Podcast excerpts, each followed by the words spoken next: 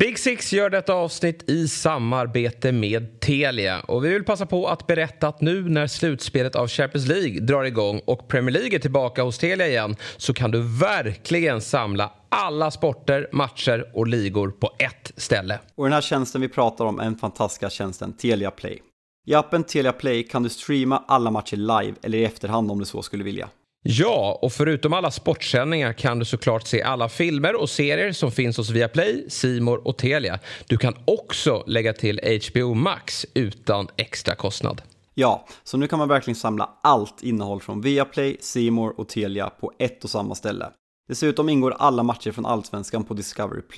Och priset då? Jo, det är kostnadsfritt i en månad och därefter kostar det 749 kronor i månaden. Du sparar alltså över 500 kronor eh, i månaden jämfört med att köpa tjänsterna separat. Helt oslagbart. Vi säger stort tack till Telia som är med och sponsrar Big Six.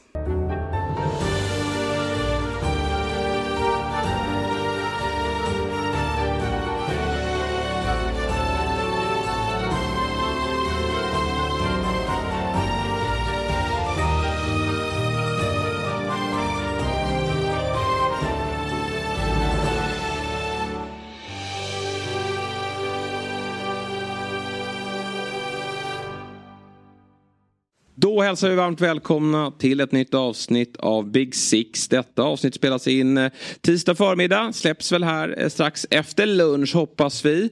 Och eh, det är ju faktiskt ändå inte veckans första avsnitt. För du har ju släppt eh, dina CL-specialer här eh, Fabbe. Mm, ja, men det, var, det var kul att ringa runt lite och eh, höra läget i truppen. Man kände ju när man, när man började och bjöd in eh, Dennis Kjellin som håller på City och man börjar be honom förklara eh, läget i City ekonomiskt. Och sen säger man innan att vi har en kvart på oss. Eh, samma sak med Robin Bylund när man skulle fråga första frågan vad, vad problemet i Liverpool är. Eh, som man kände det var lite stressigt men det kändes ändå som att man fick ihop något, eh, något bra och, eh, och kul och eh, det efterfrågas med gäster så det var kul att ta, ta det här greppet på det och prata upp, eh, prata upp Europaspelet lite. Mm, fint att eh, Europafotbollen är tillbaka. Och eh, den är ju tillbaka i ett skede av tabellen i den inhemska fotbollen, Premier League. Där det är spännande. Får vi se vilken påverkan det får ha, eh, vilken påverkan det får på trupperna. Det bör ju eh, gynna lagen med lite bredd och sen får vi se vilka som fokuserar eh, på Europaspelet. Vi kommer till det lite senare. Vi gör väl som så idag att vi går in på matcherna som har spelats den här helgen och i samband med det tar även vad som har hänt i nyhetsväg. Anledningen till varför vi spelar in tisdag är ju såklart för att det var Merseyside derby igår på Anfield.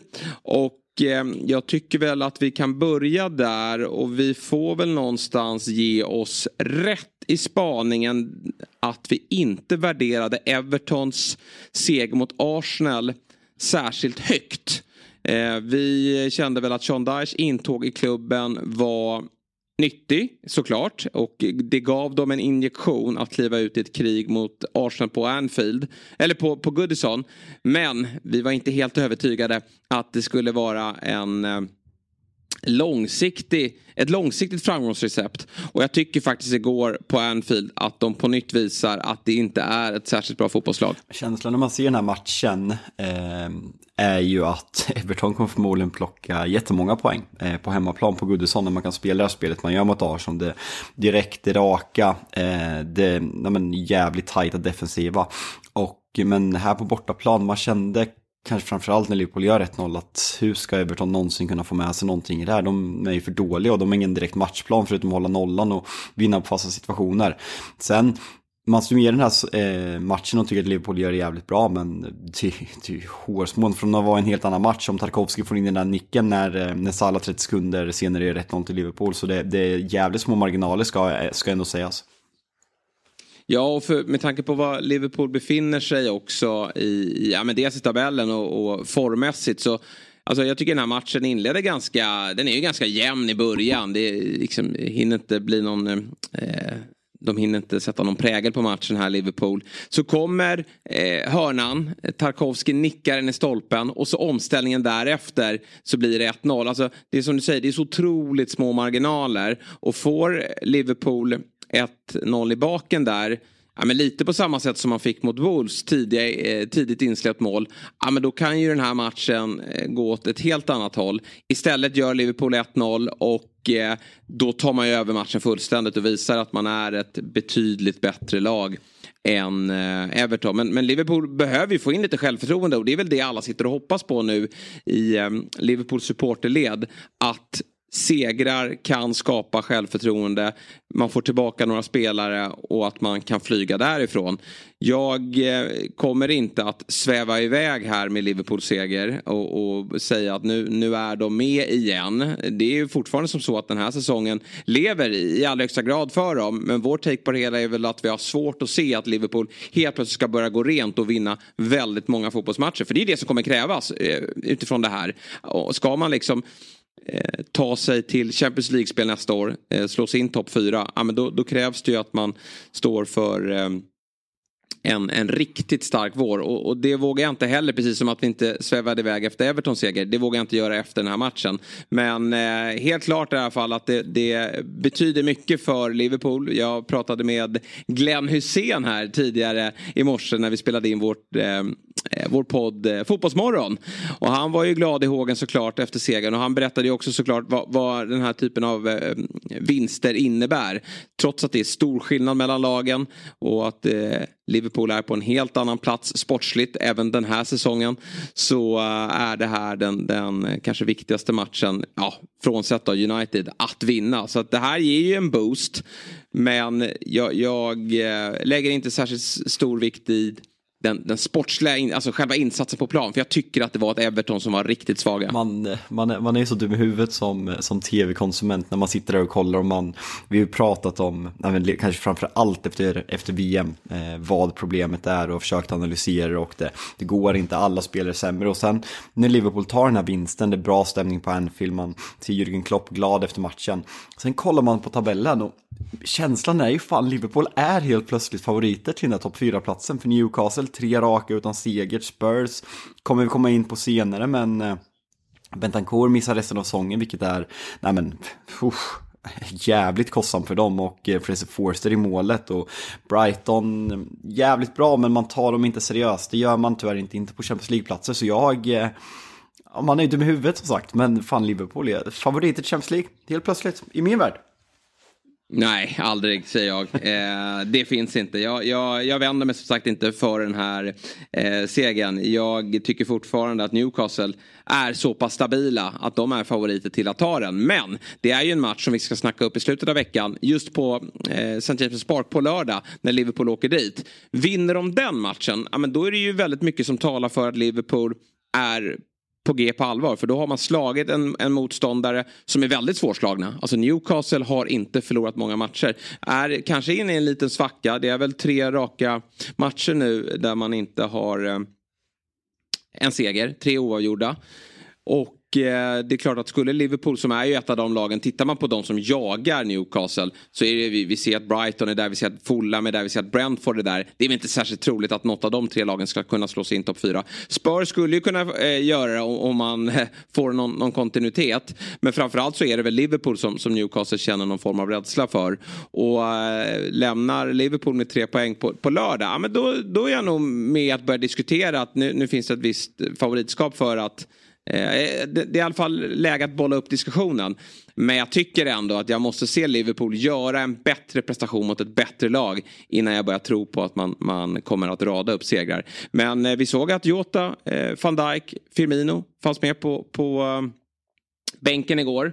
Jota hoppar in ganska tidigt. Firmino hoppar in eh, strax därefter. Så det är ju spelare som eh, alldeles strax kan finnas med i en startelva. Och det betyder ju också massor. Ja, men, det kändes som att det var något, eh, något igår att de gav sig fan på att liksom, nu, nu ska vi vända på det här. Och att det gav ett ett go med, med de här spelarna tillbaka och liksom som jag var inne på, det var, det var riktigt bra stämning redan från start igår.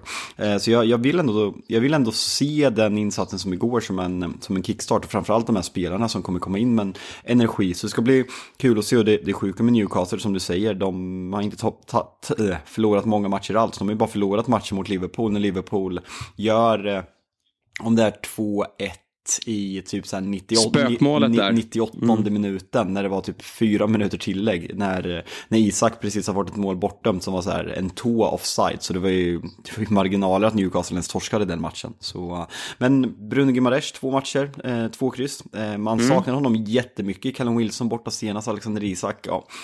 Alltså det, det är inget avbräck. Vi vet vad Isak gjorde senast mot Newcastle. Men det är spelare i Newcastle som då, ja, men Almiron gjorde mål senast men det är inte samma spelare.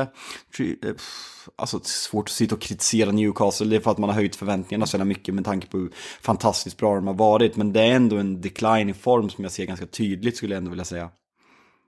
Ja, men så är det verkligen. Och för Liverpools del också till det positiva är ju att eh, Bajcetic startar på mittfältet. Tycker jag att han kanske är eh, planens eh, bästa spelare. Otroligt fin i, i passningsspelet. Och eh, har ju faktiskt blivit given på det där mittfältet. Nu startar ju Fabinho men det är ju mycket för att eh, man saknar eh, andra spelare eh, att, att eh, nyttja här. Så att eh, Bajcetic kommer ju spela. Det blir intressant att se om han får starten mot Kroos och, och Modric här i, i Champions League. Men, men så, så, så, bra som han ser ut nu så känns det självklart. Och eh, skönt för dem att hålla nollan. Nu ska ju sägas att eh, Everton saknade eh, Calvert Lewin. Det är väl den enda potenta anfallaren de har där uppe. Alltså vilken misslyckad värvning det blev ändå måste man säga med Neil Mopay från Brighton. Han var ju inte bra i Brighton. Det, det kunde vi som såg honom där eh, konstatera. Jag förstår inte varför Everton, som visserligen inte har särskilt stor plånbok att få jobba med. Ehm, det, det, finns inte jättemånga anfallare att plocka. Men varför skulle de ta in honom? Han får inte ens starta den här matchen utan det är den här Ellis Sims som startar. Och ehm, ja, han är ju tämligen iskall. Så det är en ganska enkel match för Liverpool att eh, hålla nollan i. Men för ett lag som har släppt in många mål och haft ett ihåligt försvar så betyder det såklart mycket att få lämna med en eh, nolla i, i eh, i bagaget. Verkligen, vi, vi går in, man känner så här med Champions League och Europa, vi går in i ett jävligt avgörande skede för många lag nu. Newcastle har alltså de, jag tror att man har de tre nästkommande matcherna. Eh, Liverpool, Manchester United i cupfinalen och sen väntar City. Medan Liverpool ska möta Real Madrid två gånger, man ska möta Newcastle på bortaplan och United på hemmaplan inom loppet av en månad. Så det är en jävligt rolig stund utöver Europaspelet, så det är jävligt mycket roliga matcher och spännande matcher i Premier League och matchen på, eh, som spelas imorgon ska vi inte ens eh, den är fan glömt bort. Nej, verkligen. Nu drar det igång här. Det är eh, många fighter den närmsta tiden, både i Premier League och Europa. Eh, Sala gör mål. Jag tycker dock inte han såg särskilt bra ut i spelet. Eh, slarvig, tappar mycket boll och, ser rätt kant ut. Däremot tycker jag att Gakpo gör en ganska fin insats. Han är fint driv med bollen och, och, får äntligen göra ett mål. Betyder nog mycket för honom. Så att, eh, han känner nog lite flåset här av att Jota och Firmino är tillbaka. Det ska ju Nunes också göra. Han, ja, jag orkar inte prata om hans avslut. Men, men däremot eh, konstaterar jag att han, han står för en bra assist. Och, och, det går väl även att tillskriva Pickford det målet. Eh, han, eh, jag vet inte om han hörde slu, eller vet det, halvtidsvisslan gå där. För han är ju på väg att lämna planen. I samband med 1-0. Alltså, det, Jordan Pickford. Alltså man eh, jag vet inte vad jag ska säga om, om, om den människan. Men eh, ja, det, det känns signifikativt för Jordan Pickford. Han har gjort många i de här Mercer-derbyna här när Origi gör mål, när han, ska, typ, när han ska försöka greppa bollen upp i ribban och tappar ut den till Origi som gör mål på övertid. Alltså det är så mycket idioti från den här människan. Och det ska bli så mm. skönt nu. Jag hoppas verkligen att Southgate, alltså här, Nej, glöm alltså, det. Det kan du glömma. Han, nej, nej, nej, han kör. Nej, men han, det är Southgates nummer ett. han det... måste klippa den där jävla navelsträngen och sen hoppas jag, det ryktas ju, ja men kontraktet går ut, det har pratat Spurs, har pratat United. Alltså, kan han inte bara gå utomlands? Jag, jag orkar inte se honom. Fy fan för mm. Jordan Pickford. Men så, jag sitter och kikar så här på, på Evertons eh, trupp i övrigt då. Eh, visst, eh, Pickford är, är, kall. Men, men alltså finns ju ingen offensiv styrka på den här bänken. Ja, de slänger in Nimo Pay och, och Gray som visserligen var lite pigg eh, stundtals under eh, hösten och, och gjorde det väl okej okay i Leicester.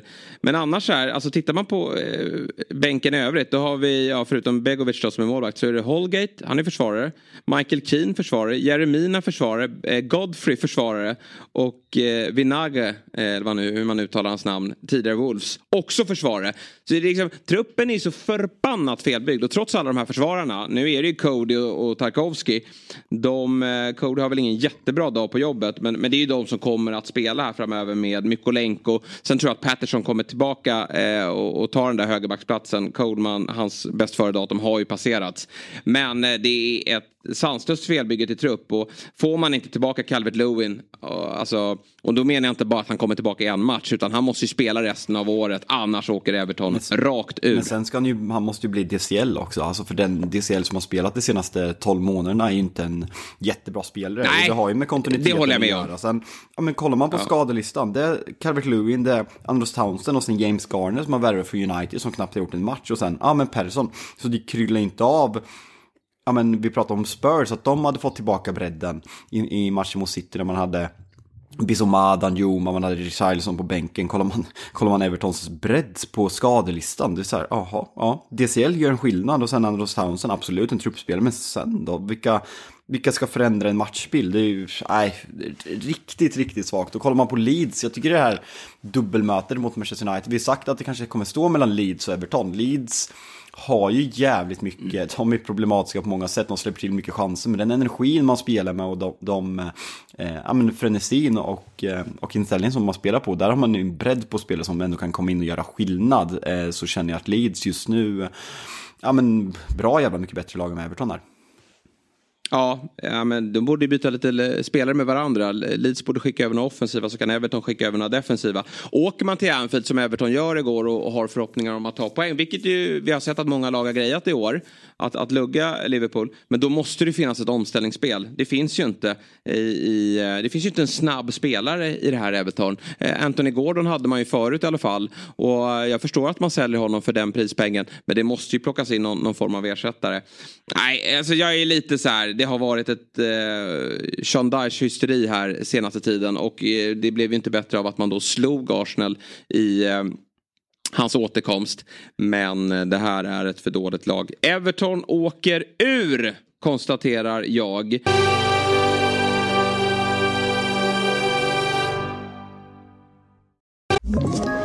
Ett poddtips från Podplay.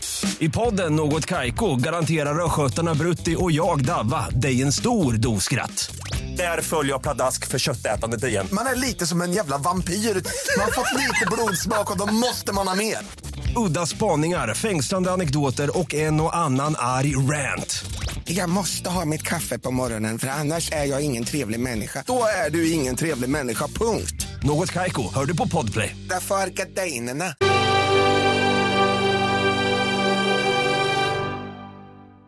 Vi kan väl ta oss vidare mot eh, söndagen. Där Manchester City slåss på väldigt många fronter. Inte bara sportsligt utan även ekonomiskt. Panic of the Streets of London.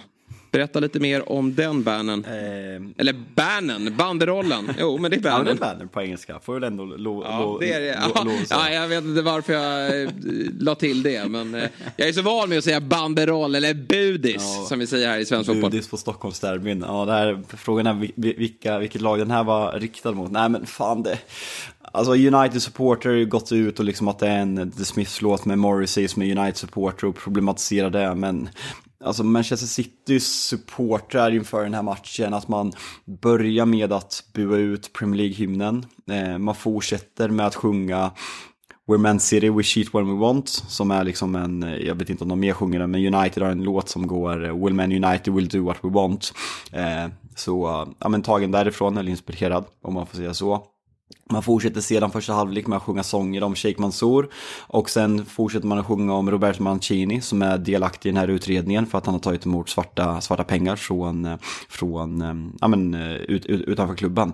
Och är det värdigt, så här, Petter Landén pratar ofta om ja, men, den sitsporten han, han var och liksom att han kan uppskatta tiden innan ägarna men är det en ny generation City-supportrar som beter sig så här eller klubben, ska man pissa på hela klubben? För det är, det är så ovärdigt på så jävla många sätt att man buar ut Premier League-hymnen för att man blir utredd när man uppenbart har fuskat på många sätt. Jag, eh, nej, fan det är dålig smak i munnen av det här alltså.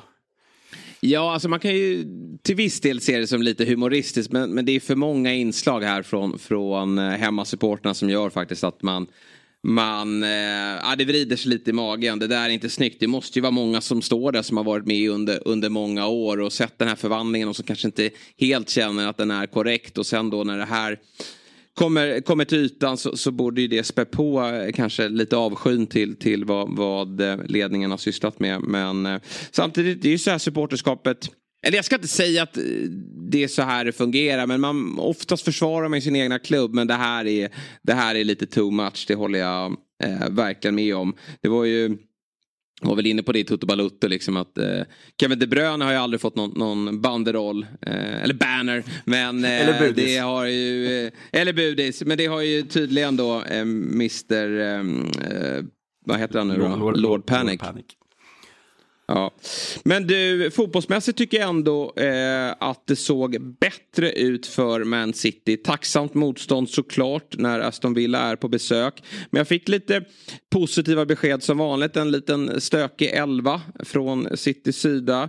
Men många av de offensiva alternativen var ju där. Men jag tycker framförallt att eh, De Bruyne växlade igång och eh, såg fin ut på mitten. Ja, de, de, de fick ändå många svar. Sen har de ju uppenbarligen lyssnat på Big Six. För vi har ju berömt Aki och Akanji för deras säsong. Men Laporte och Diaz är bättre fotbollsspelare. Sen får folk säga ja. vad fan de vill. Men Ruben Diaz och Laporte ska spela när John Stones är borta. Så enkelt är det.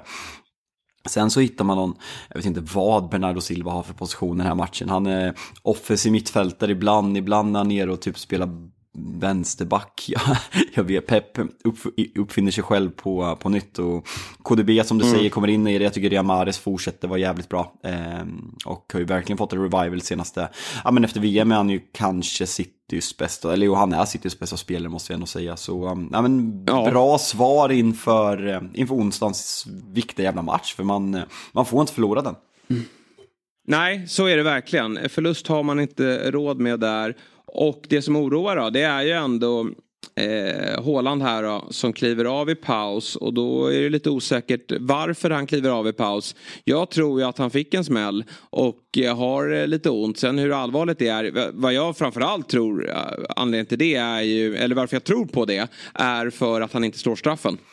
Alltså i en 2-0 ledning när, eh, ja City har ju redan avgjort matchen. Mm. När den ordinarie straffskytten som jagar ett målrekord inte får slå straffen, då är det ju för att han har ont. Ja, men Pep sa ju att Håland var första straffskytt också, så det, det, måste han ju haft. Men om jag bara, jag har inte lagt någon direkt värdering i det, jag bara fick upp tanken nu. Med tanke på hur Håland har sett ut i bortamatcherna, tror vi pratade om det förra veckan, noll mål på Old Trafford, noll mål Spurs borta, noll mål på, på Anfield, eh, noll mål på eh, mot Arsenal i FA-cupen. Julian Alvarez som är en, ja, men, kanske på pappret en mer pep-like nia är det så jävla hemskt mm. att Håland missar den här matchen om man gör det? Nej, kanske inte. Alltså, det, vi får se statusen, men är det minsta tvivel på, på skadeläge där så sitter han ju, speciellt om det är någon, någon muskel som är lite trött, då tror jag definitivt han kan sitta i den här matchen. Vi får väl lyssna till Peps presskonferens här under, under dagen. Och eh, höra hur allvarligt det är. Är han fullt frisk så tror jag att det inte är någon fara. Då är jag övertygad om att han startar ändå. Men, eh, men, men är det minsta lilla tvivel här då, då kan absolut. För han har ett väldigt eh, gott alternativ här i, i eh, Julian Alvarez. Och City kommer att bli bra ändå. Så att det, det blir spännande att höra vad han säger om skadan. Och det är ju, liksom, vi vet att det är fokus Champions League och det är inte en jättelätt match med Leipzig. Och det är på bortaplan nästa vecka. Och uh, det kan vara som så att han känner att han behöver vila honom här. Men, men jag, jag håller ändå såklart att det, jag tror att uh, Haaland kommer till start och han vill nog gärna tysta är de som kommer med den där typen av statistik som du precis radade upp. Men det är klart att den, den finns ju där. Den finns ju där. Eh, och att han, han måste Eh, såklart ändra på den. Men City vinner ganska komfortabelt ändå, även om det blir lite spänning. Coutinho med ett jäkla superinhopp. Ja, fina, alltså så här, fina genomskärer, fina skott. Det var, ja. det var den gamla Coutinho, man blir, man blir varm i hjärtat ja, att se det. Det var som, han, han är ju riktigt bra mot United förra året när Villa, när Villa slog United. Man, så här, man, man vill ju inte att någon ska vara bra mot United, men det var så, det var så fint att se honom på något sätt efter den ja, men, tragiska karriären får man ändå säga med tanke på hur fantastiskt ja. bra han var i Liverpool. Och jag läste någonting på Aston Villas eh, svenska fans att han är ju den stora besvikelsen i år. Man, hade ju, man lånade ju in honom. Eh, Steven Gerrard löste ju den eh, lånedealen såklart efter att de hade jobbat tillsammans i, eh, eller spelat tillsammans i, i Liverpool.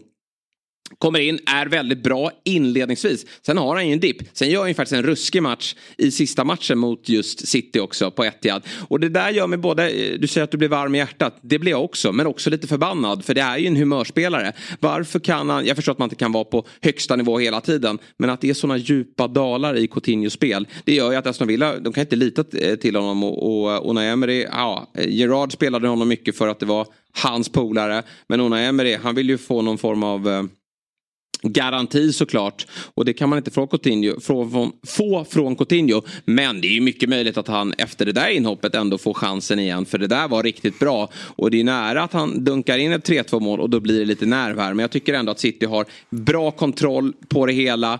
Och att det ser bättre ut defensivt också. Eh, när det är, om bara Diaz och Laporte kan hålla sig skadefria här nu så, så är det ju de två som ska spela. Sen blir det kul att se. Eh, jag tror ju inte att han kommer våga spela med den här ja, men, tydliga med tre backar. Även om de har spelat inverterade. Jag tror att Ake kommer kliva in i matchen mot, eh, mot Arsenal på onsdag. Eh, sen, mm. eh, det, det, är min känsla i alla fall. Sen får vi se Foden med ett inhopp senast varit sjuk. Eh, Jack Grealish, svår att få grepp på. Bättre än man kanske har varit i City, men får ju inte till det helt och hållet ändå, får man ändå lov att säga. Och sen Rodri, Rodri man of the match den här matchen fan vad bra han är. Jag vill inte säga att jag älskar Manchester City-supportrar eller spelare, men eh, vilken fantastisk jävla fotbollsspelare han är. Mm, ja, men det är han eh, absolut. Det är en otrolig utveckling på honom också tycker jag i den här rollen. Det var inte självklart när han kom. Men det är lite intressant att du spekulerar kring elvan där. Jag tror också att Nathan Ake kan komma in, kliva ut till vänster. Och sen så ska det vara Laporte Diaz. Men då är frågan, Kyle Walker känns ju också given i en sån typ av match, ute till höger. Vem tar inverterade då? Ja ah, men exakt, ingen av dem kan ju inventera. Så jag tänker så här, Rico Lewis tror jag att han någonstans vill spela i den här matchen. Men på vems bekostnad sker det? Ja, ah, jättespännande att se hur han formerar den här backlinjen mot ett Arsenal där han såklart har full respekt för deras offensiv.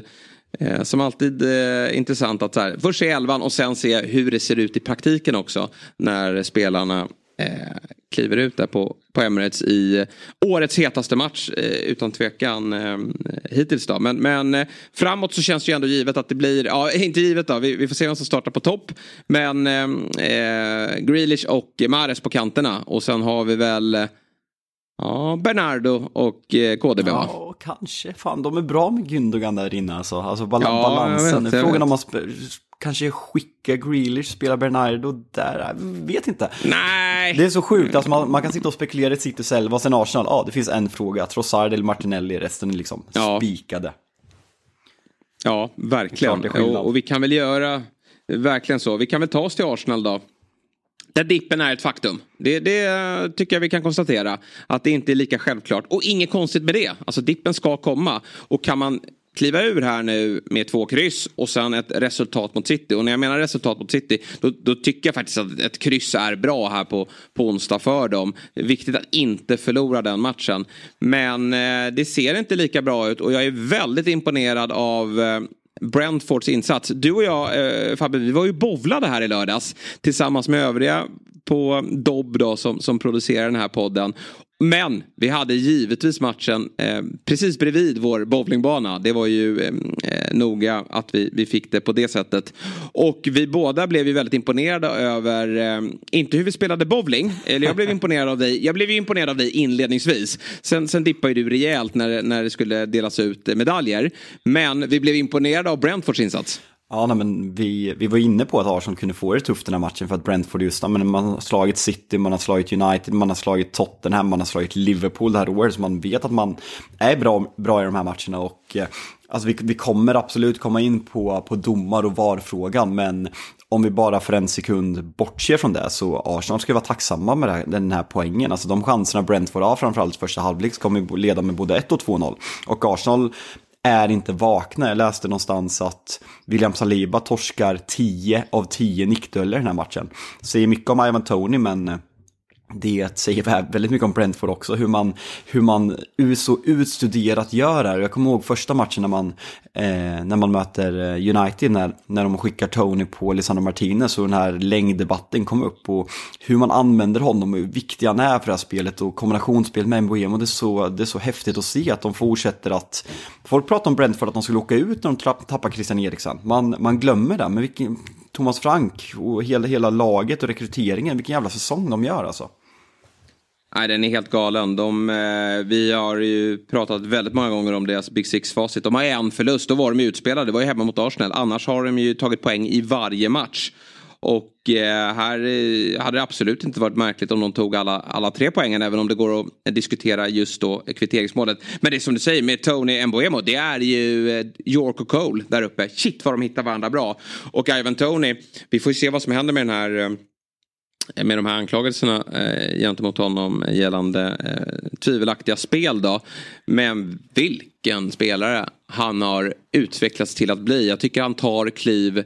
Han har varit i Premier League nu i ett och ett halvt år och han blir bättre för varje match som går. Ja, det är häftigt. Jag kommer ihåg i början när vi spelade in den här podden när du började bolla upp att han men kanske är redo för en större klubb och jag var lite skeptisk. Och så, fan, det är dyr, så här, hur bra är han? Mm. Är han tillräckligt bra att leda en linje i United exempelvis? Och jag, jag vill inte, han, han är en svår Sen har det ju med att göra att de sex klubbarna kanske framför allt, de får sådana extrema ambitioner, de vill vara bäst i världen. Ja. Och det är så svårt att, ska han vara etta där, det krävs, det är inte många anfallare som är tillräckligt bra för det.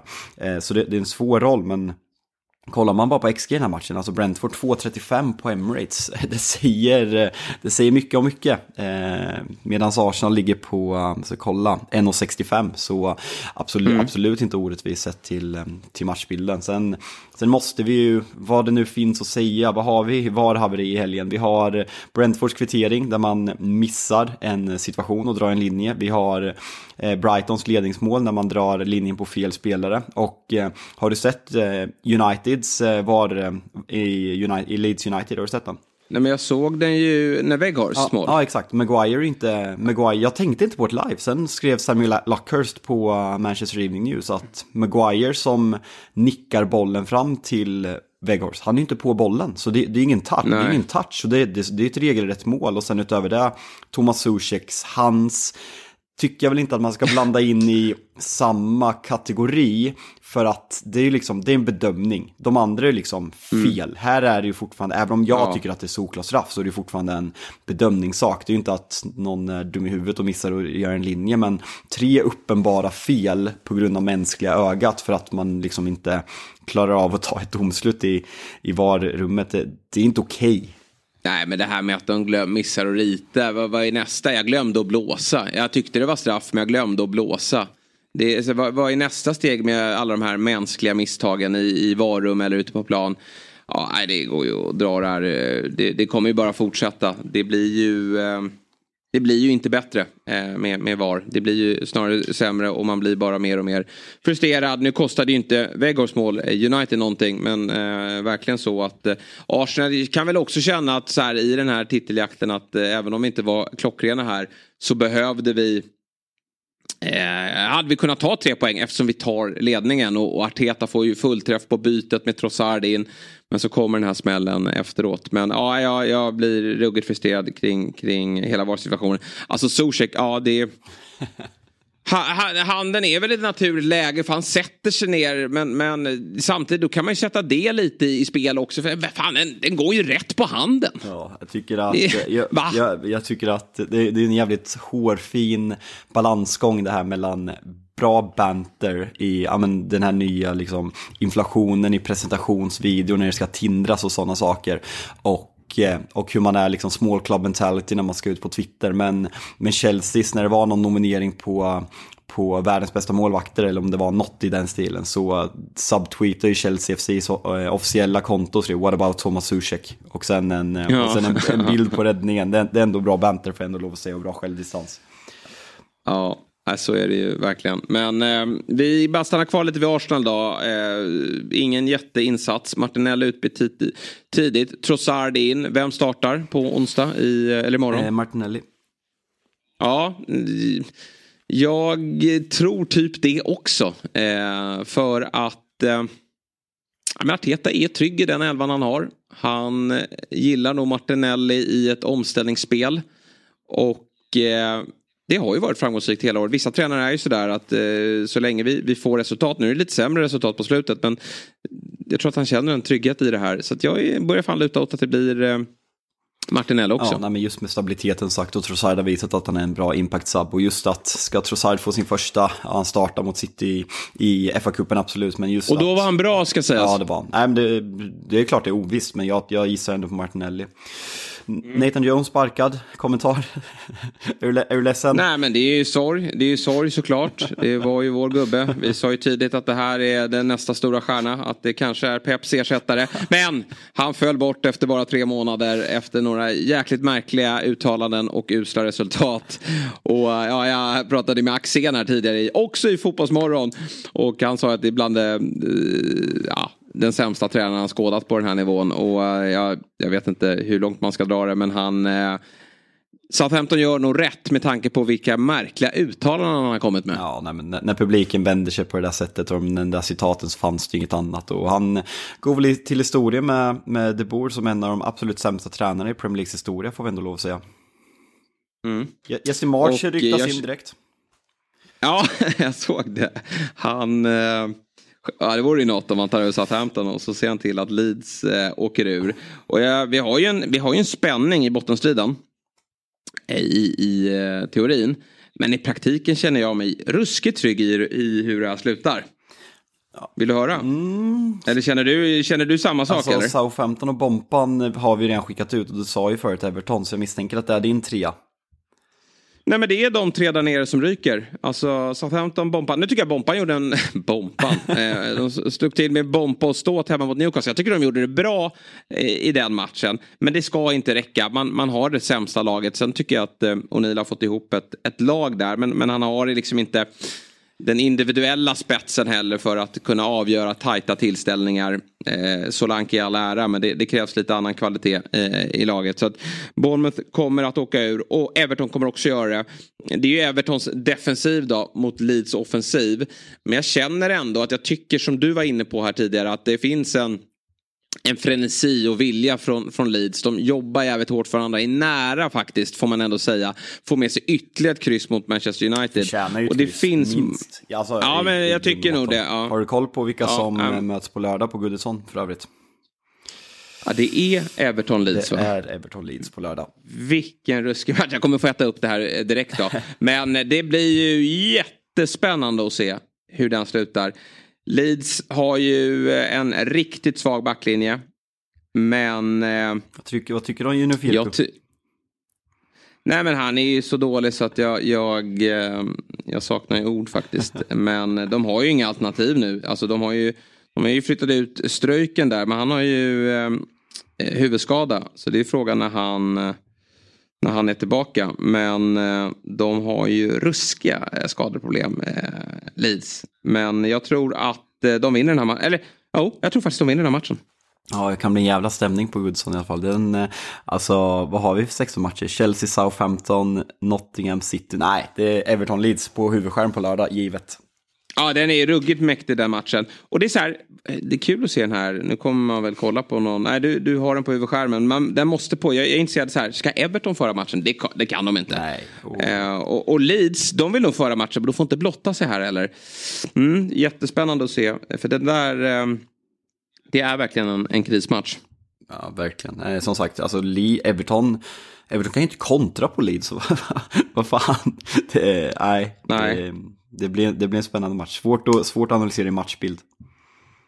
Ja, eh, får se då om eh, Leeds har ny tränare på plats till den matchen. Såg du något om Steven Gerrard där? Ja, jag har faktiskt inte läst. Jag läste att han gamla Ajax-tränaren som eh, rök i år var, var på plats. Eh, men det, ska tydligen inte, okay. det ska tydligen vara off nu, eh, trots att han var på plats mot mm. United. Så vi, vi fortsätter hålla ögon, ögonen öppna för vad som händer i Leeds. Mm. Eh, Leeds mötte som sagt Manchester United och du var inte nöjd med matcherna och inte särskilt nöjd med vad som sjöngs på läktarna eller? va? Nej, det är, ett, det är inte jättesnyggt. Eh, och det, det är en eh, pratade om inflation förut, men det är en inflation i, i det här beteendet på läktarna också i England. Eh, har varit problem ja, men, i City och Liverpool-rivaliteten kanske framförallt som har fått uppmärksamhet senaste, senaste åren med sången om, om Hillsborough. Och nu så Eh, nej men på Ellen Road så börjar det sjungas rejält mycket om München, det är flygplansgester och Uniteds bortasektion eh, svarar med att eh, sjunga om Istanbul när två Leeds eh, supportrar varit eh, nej men knivhuggna till döds, döds vid, eh, i, runt millennieskiftet. Och eh, mm. det, det är så svårt att analysera. Jag, känslan är väl, om jag bara får dra en hobbyanalys, att det är men en yngre generation av fotbollssupportrar som har vuxit upp. Om vi tar United och Leeds som ex ett exempel när rivaliteten. Majoriteten av de här alltså typ för knappt födda när det här är Istanbul och än mindre när, när det i München skedde 1958. Och eh, man, man, man, har vuxit upp med att höra om den här rivaliteten men man har inte upplevt den så man vill väl bidra på sitt sätt. Men vad fan, sjunga om döda människor på fotbollsmatcher, alltså hata, supporta, gör det, men vad fan, sjunga om tragedier. Det, det är fan inte okej okay. och det känns som att det verkligen går åt fel håll i den engelska fotbollen, att det bara blir mer och mer. Ja, och det är så här, man brukar i, i svenska sammanhang prata om att det är en liten klick som förstör. Men, men när, när det dånar från läktarna, den här typen av ramsor, då undrar man hur det är fatt egentligen och, och uh, hur de är fostrade. För det, det ska ju rätt mycket till tycker jag ändå någonstans. Att man, man väljer att, att uh, sjunga om den här typen av katastrofer. Ja, det är uh, på alla sätt och vis vedervärdigt. Men fotbollsmässigt då så var det ju inte alls en lika rolig match tycker jag underhållande som den vi såg i onsdags var det väl? Nej, jag, jag ända i mitten skrev det på Twitter typ så här, kan inte de här lagen bara låtsas som att de inte hatar varandra så att de kan spela fotboll? För alltså Leeds, alltså de, eh, Fy fan vad tufft de spelar i den här matchen. Eh, och på, på, på, liksom på gränsen så att man klarar sig, det blir någon varning här, det blir någon varning där. United får inte något grepp och känns chockade igen för tredje halvleken i rad att det är sån hög intensitet. Och eh, ja, men en eh, oväntad rotation från, eh, från Erik Ten Hag, att han helt plötsligt spelar med Guire och Shaw som mittbackar. Både Lisandro och Varann sitter på, på bänken och eh, och ja, men Weggårds får starten igen. Så det var, det var ändå många, eh, kollar man på Uniteds 11, det är fem ordinarie spelare. Det är lätt att kritisera insatsen men det går att peka på jävligt många anledningar. Eriksen är borta, Casemiro är borta, Martial är borta, Anthony är borta, Lisandro är borta och eh, och Baran är borta. Eh, så uh, vad fan, det är lag som har klagat på, på, på mer i år när man har haft så många spelare borta. Så det, det ska man ändå ha i åtanke när man kollar på Uniteds insats. Ja, jag tycker också det. det. det. är ingen bra insats. Samtidigt vet vi att United inte är någon, i någon dipp utan de, de har varit bra. Eh, men har lite skadeproblem.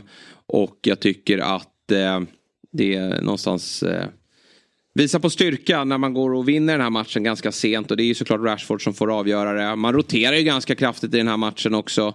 Så att eh, nej, jag, jag väljer att se det positivt eh, för United att man tar sig vidare.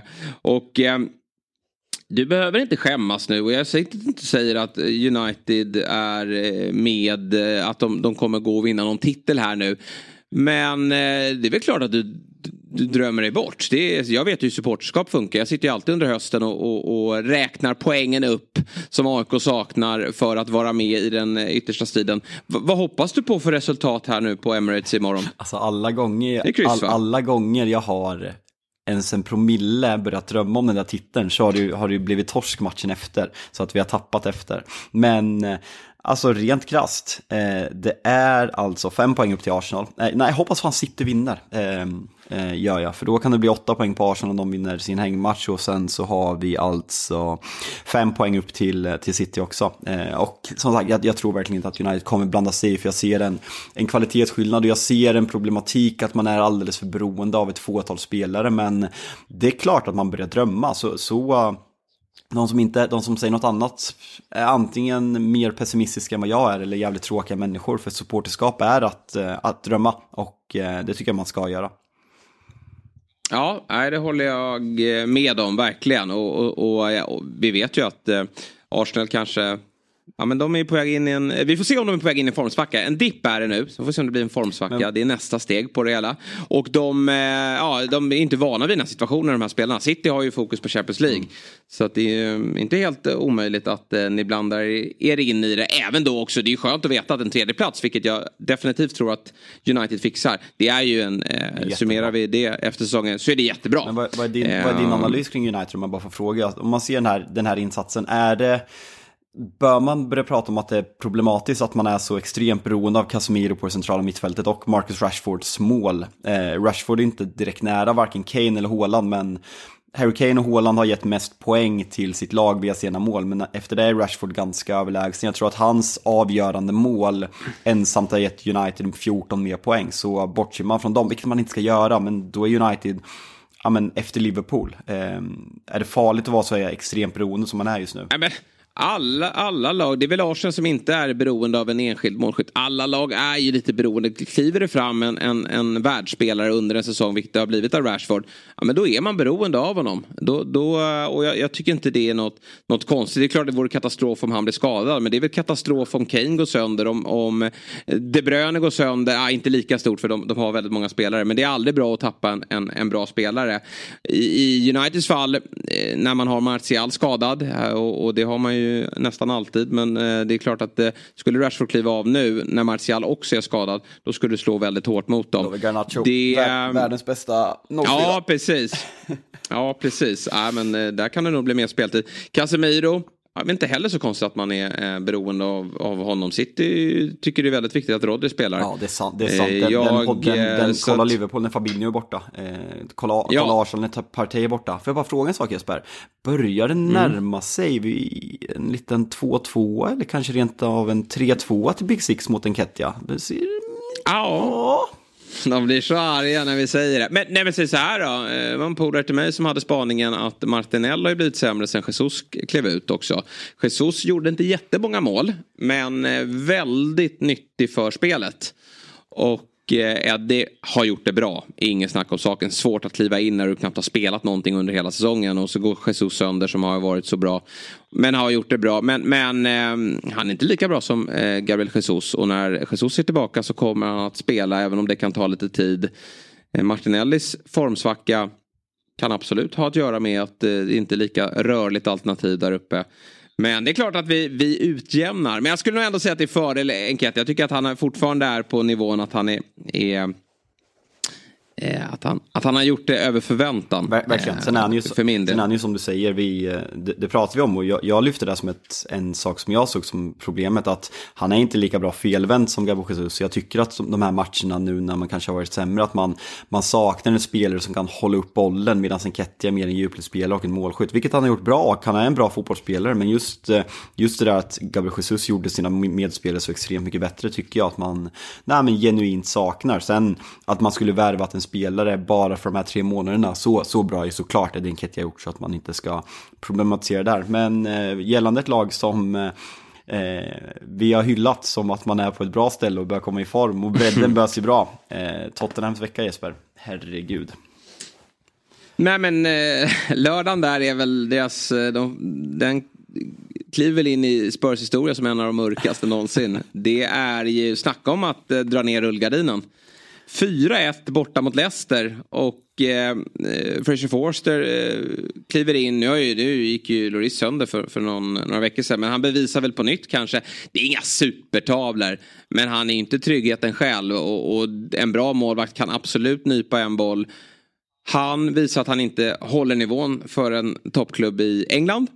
Och eh, Bentancourt, deras absolut viktigaste spelare på mittfältet han går sönder och missar resten av säsongen. Och nu då när man kliver in i, i, i Champions League så gör man det utan honom och man har även Höjbjer eh, avstängd. Oj, det eh, så det, det, är, ja, jo, han är avstängd och Bissoma är också borta några ytterligare, eh, ja men nästan två månader då. Så det är inte alls kul. Och vad får det här för effekter framåt? Ett Spurs som vi trodde skulle liksom ha häng på Champions League-platsen.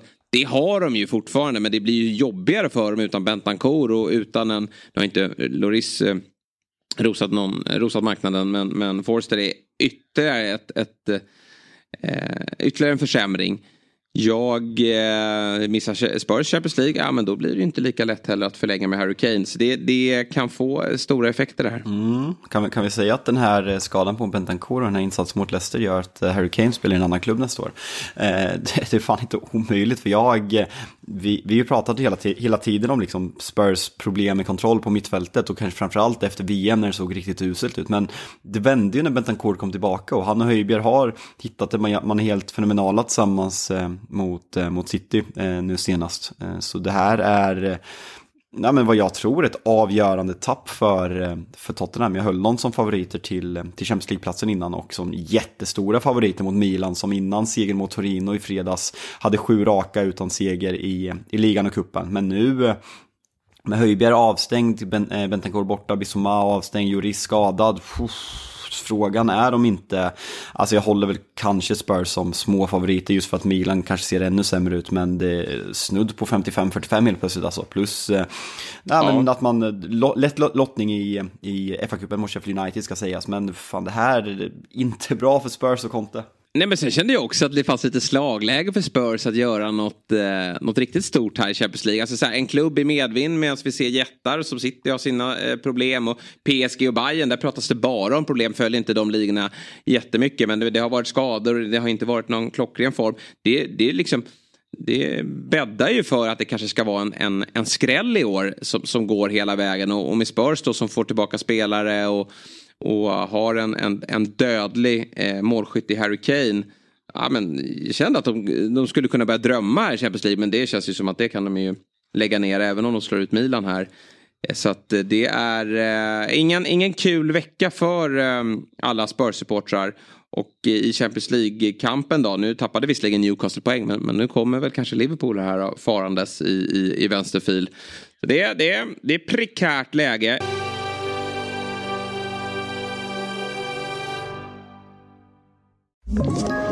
Ett poddtips från Podplay. I podden Något Kaiko garanterar östgötarna Brutti och jag, Davva, dig en stor dos skratt. Där följer jag pladask för köttätandet igen. Man är lite som en jävla vampyr. Man har fått lite blodsmak och då måste man ha mer. Udda spaningar, fängslande anekdoter och en och annan arg rant. Jag måste ha mitt kaffe på morgonen för annars är jag ingen trevlig människa. Då är du ingen trevlig människa, punkt. Något kajko, hör du på podplay. Därför är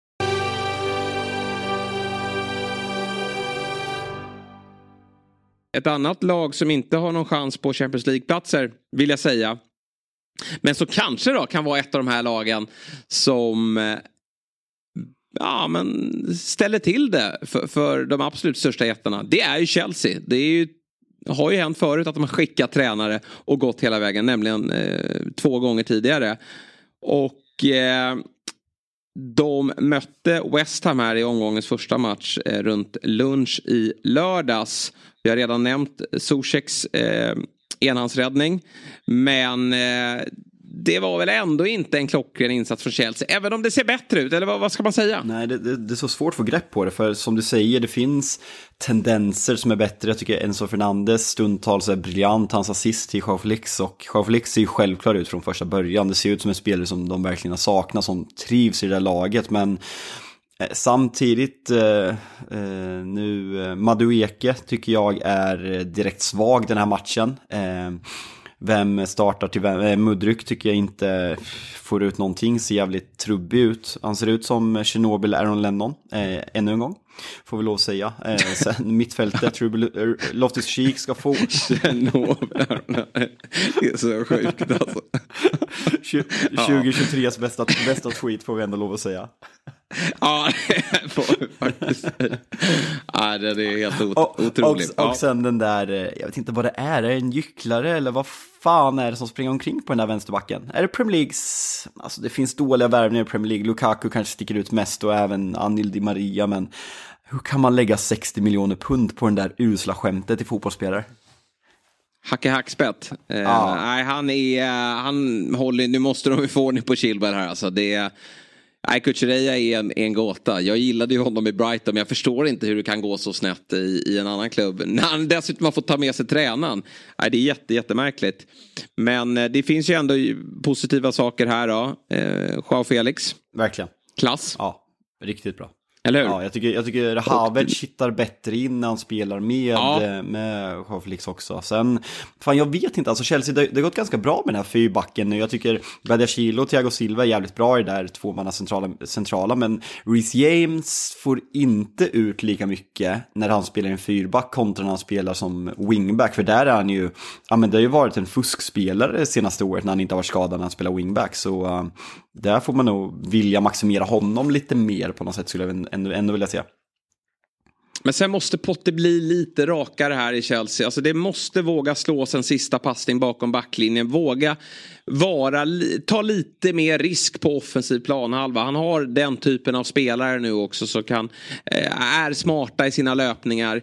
Liksom under Brighton-tiden väldigt mycket sidled. För då, och då var det också att motståndarna någonstans till slut men de tröttnade. Fan, det är Brighton, vi kliver upp. Och så dök det upp eh, ytor. Nu är ju lagen ganska bekväma. Det är Chelsea, det finns eh, otroligt bra skickliga spelare här. Vi väntar ut dem. Och eh, för att skapa lite mer lägen, bli lite mer effektiva också. Eh, våga mm, slå den där avgörande sista passningen. Men, men det, det går lite för långsamt åt rätt håll. Nu får vi se då. Dortmund i eh, Champions League, ett Dortmund som bara flyger fram, har ju typ sju, sex eller sju raka segrar efter uppehållet. Och Jude Bellingham eh, tillbaka på öarna. Det blir ett häftigt möte faktiskt. Som känns ganska ovisst men... Eh, det känns ju klart. Chelsea är väldigt såklart favoriter. Men... De kändes stora favoriter när de fick lottningen. Men det är samma där. Det känns som att det har vänt med tanke på Dortmunds form. Chelsea, man vet inte ja. riktigt. Eh, Badia Chile. Eh, Får inte vara med. Nej, exakt. Och vem ska ta den? Ska Koulibaly gå in där? Få Fana tillbaka? Hur ska man ställa upp det? det? Det är mycket frågetecken. Situationen med Mason Mount blir jävligt intressant att följa för han har ju blivit verkligen en scapegoat med ett, med ett kontrakt som är på väg att gå ut. Så vad som kommer hända där. Sen gillar jag ändå det som eh, The Athletic skrev ut, eh, om det var David Ornsteins måndagskolumn igår, eh, där det står alltså från eh, ledning att eh, man ser det här som ett projekt för år och snarare än månader så att Potter verkligen sitter säkert och man vill genom tid, vilket jag tycker ändå, ja men det är bra. Ja, Nej men eh, det jag såg det, att det, och det är helt rätt såklart. Eh, även om man så här, var, efter varje poängtapp någonstans lyfter upp frågan. Man vet ju hur fotbollsvärlden funkar. Men, men det är bra att de, att de står på sig där. Och, och mm, vi eh, vill ju såklart se Potter eller jag vill i alla fall. Se honom lyckas. Men eh, det har inte riktigt eh, lossnat eh, för honom ännu. Du, eh, finns det något mer att säga om helgen som har eh, varit? Nej, det är väl eh, hur... Fola? Ja, fortsätter imponera sen hur extremt extremt mm. beroende av James Madison Leicester där. Alltså när, när han inte är med ja. så är de nedflyttningskandidat, men när han är med så skulle de typ kunna sluta topp top 8. För det är sån skillnad på Leicester med och utan Madison. Nej men nu måste någon stor klubb ta honom i januari. Alltså han, han, han håller för de flesta klubbarna. Det är, Ja, förlåt, i sommar. Det, det, är bara att ta in honom. Det är, jag har sett att Spurs har varit där. Vore väl helt optimalt. Ja, de skulle ju vara... De, de, de, att få in Madison. De hungrar efter en sån spelare också, verkligen. Ja. Slipper Kane gå ner och kladda för mycket där liksom. Eh, jag tycker att, även om han är hur bra som helst på det. Eh, men, men Madison skulle vara jättefin där. Kommer ju såklart kosta pengar men, men Leicester det är inte en, en tillräcklig nivå eh, längre för James Madison utan han måste verkligen vidare. Han, han har bevisat sig. Men jag vill även komma till Fulham. Jag såg eh, eh highlights på den matchen i efterhand. Det var väl ingen prio. Men, men Forrest är totalt slaktade. Fulham är riktigt bra. Då är Mitrovic, han, han eh, har något superläge när han bränner. Han är inte riktigt skärpan eh, inställd eh, just nu. Men eh, alltså William Oj vad han är bra. Alltså googla krysset, alltså äh, mål i krysset. Så får du upp Williams mål. Alltså den bara borrar sig äh, in i det, i det Ja, målvaktens höga kryss då. Och sen har du ju Andreas Pereira som är, ja, men det är en briljant värvning. Fan vad bra han har varit. Och, och, det blev en perfekt lösning för honom.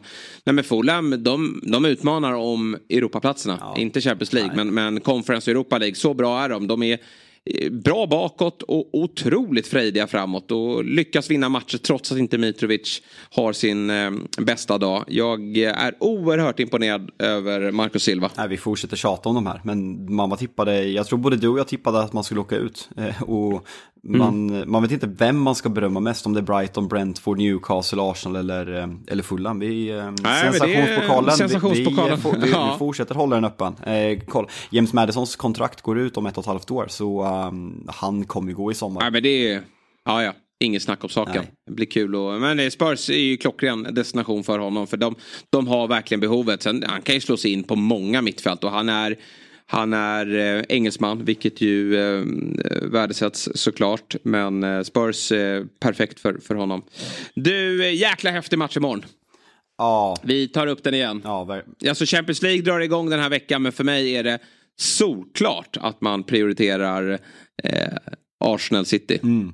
Ja, jag, fan, jag kopplade, jag, jag, jag var så inne, jag kollade på körschemat här och läste Barcelona jag bara, nej, torsdag Jesper. Men nej, får... man, man, man tänker ju så här vad, eh, eh, vad Champions League tycker om det här. Vad är det för matcher? Det är Dortmund-Chelsea och sen är det något mer så här ja. halvdant möte. Ingen kommer bry sig. Alltså ursäkta Chelsea-supportrar, men på, på onsdag är det via Play-studion som gäller och det är Arsenal, Manchester City, eh, den här uppskjutna matchen som vi har snackat upp så jävla länge. Äntligen ska den spelas! Ja, men, ja, men vi har suttit så här och pratat om att Arsenal kan om de vinner den och sen nu, nu fan är den här och det är så mycket frågetecken kring, ja, men kring City situation, hur man kommer starta, hur man kommer spela försvar, Arsenals lilla form, det har man den mentala styrkan för att vända på det här och skulle man vinna det här, då, då är den här formdippen borta. Då har man ju liksom mentalt övertag så det sjunger om, du ett go i laget och Gabriel Jesus är på väg tillbaka, så äh, vilken jävla match det kommer bli.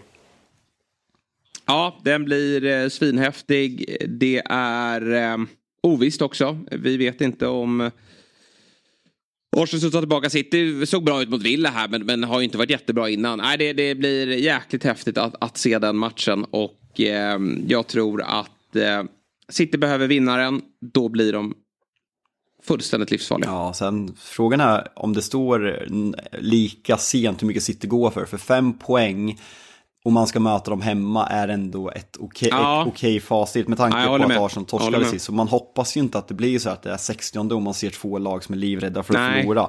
För jag tyckte att det var kul att se hur Arteta stod upp och att Arsenal vågade spela trots att man kanske hade, ja men på pappret, ett litet mer roterat lag än vad City. Så nu när man har det absolut bästa, hur, hur matchbilden kommer vara, vilka kommer, vilka kommer ha bollen mest, hur, vilka kommer satsa mest på kontring. Det ska bli, det ska bli jävligt, mm. det är en svåranalyserad match och liksom historiken med Pep och Arteta, det, det finns så mycket här.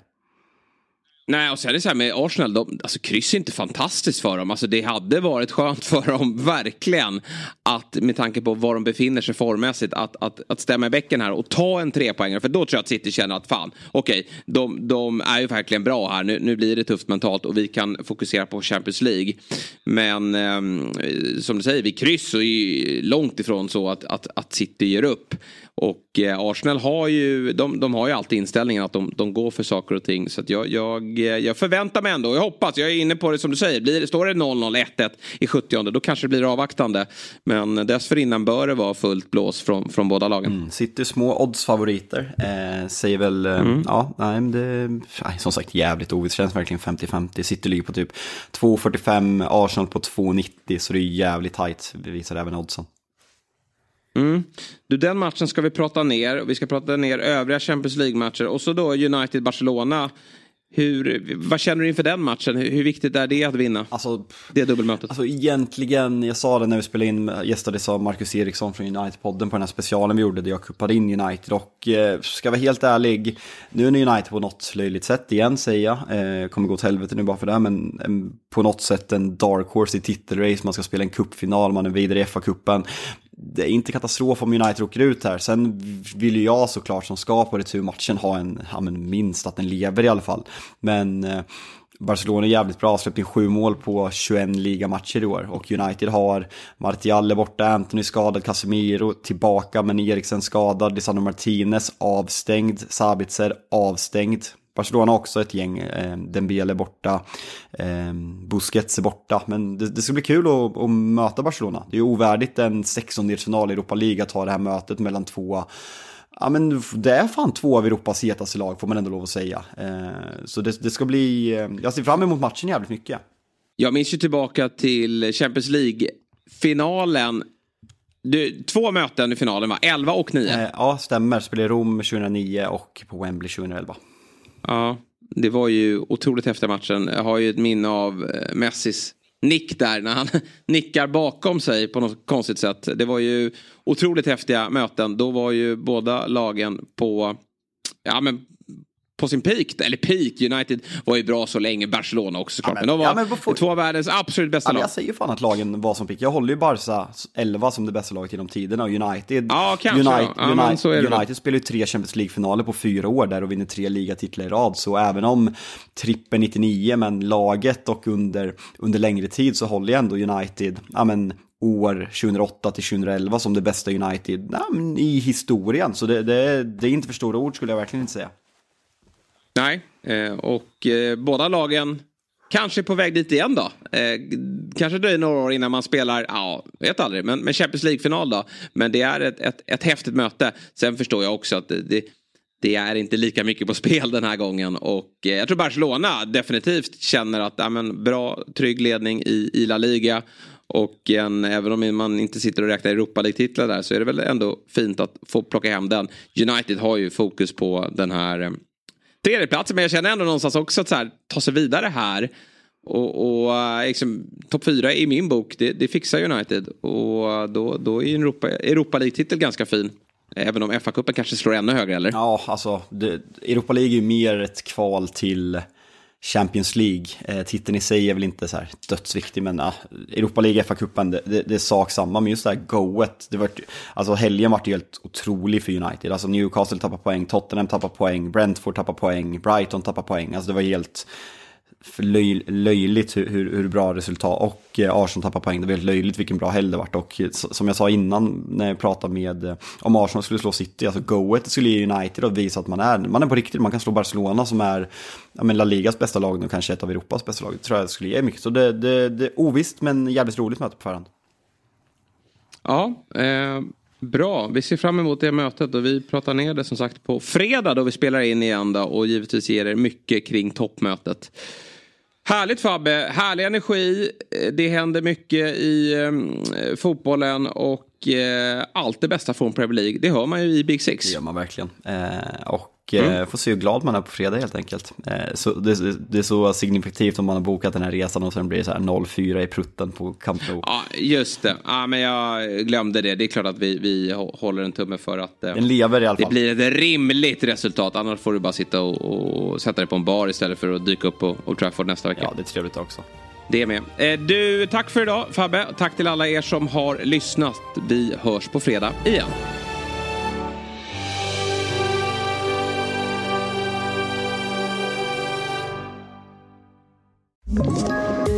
Poddtips från Podplay. I fallen jag aldrig glömmer djupdyker Hasse Aro i arbetet bakom några av Sveriges mest uppseendeväckande brottsutredningar. Går vi in med hemlig telefonavlyssning och, och då upplever vi att vi får en total förändring av hans beteende. Vad är det som händer nu? Vem är det som läcker? Och så säger han att jag är kriminell, jag har varit kriminell i hela mitt liv men att mörda ett barn, där går min gräns. Nya säsongen av Fallen jag aldrig glömmer på Podplay.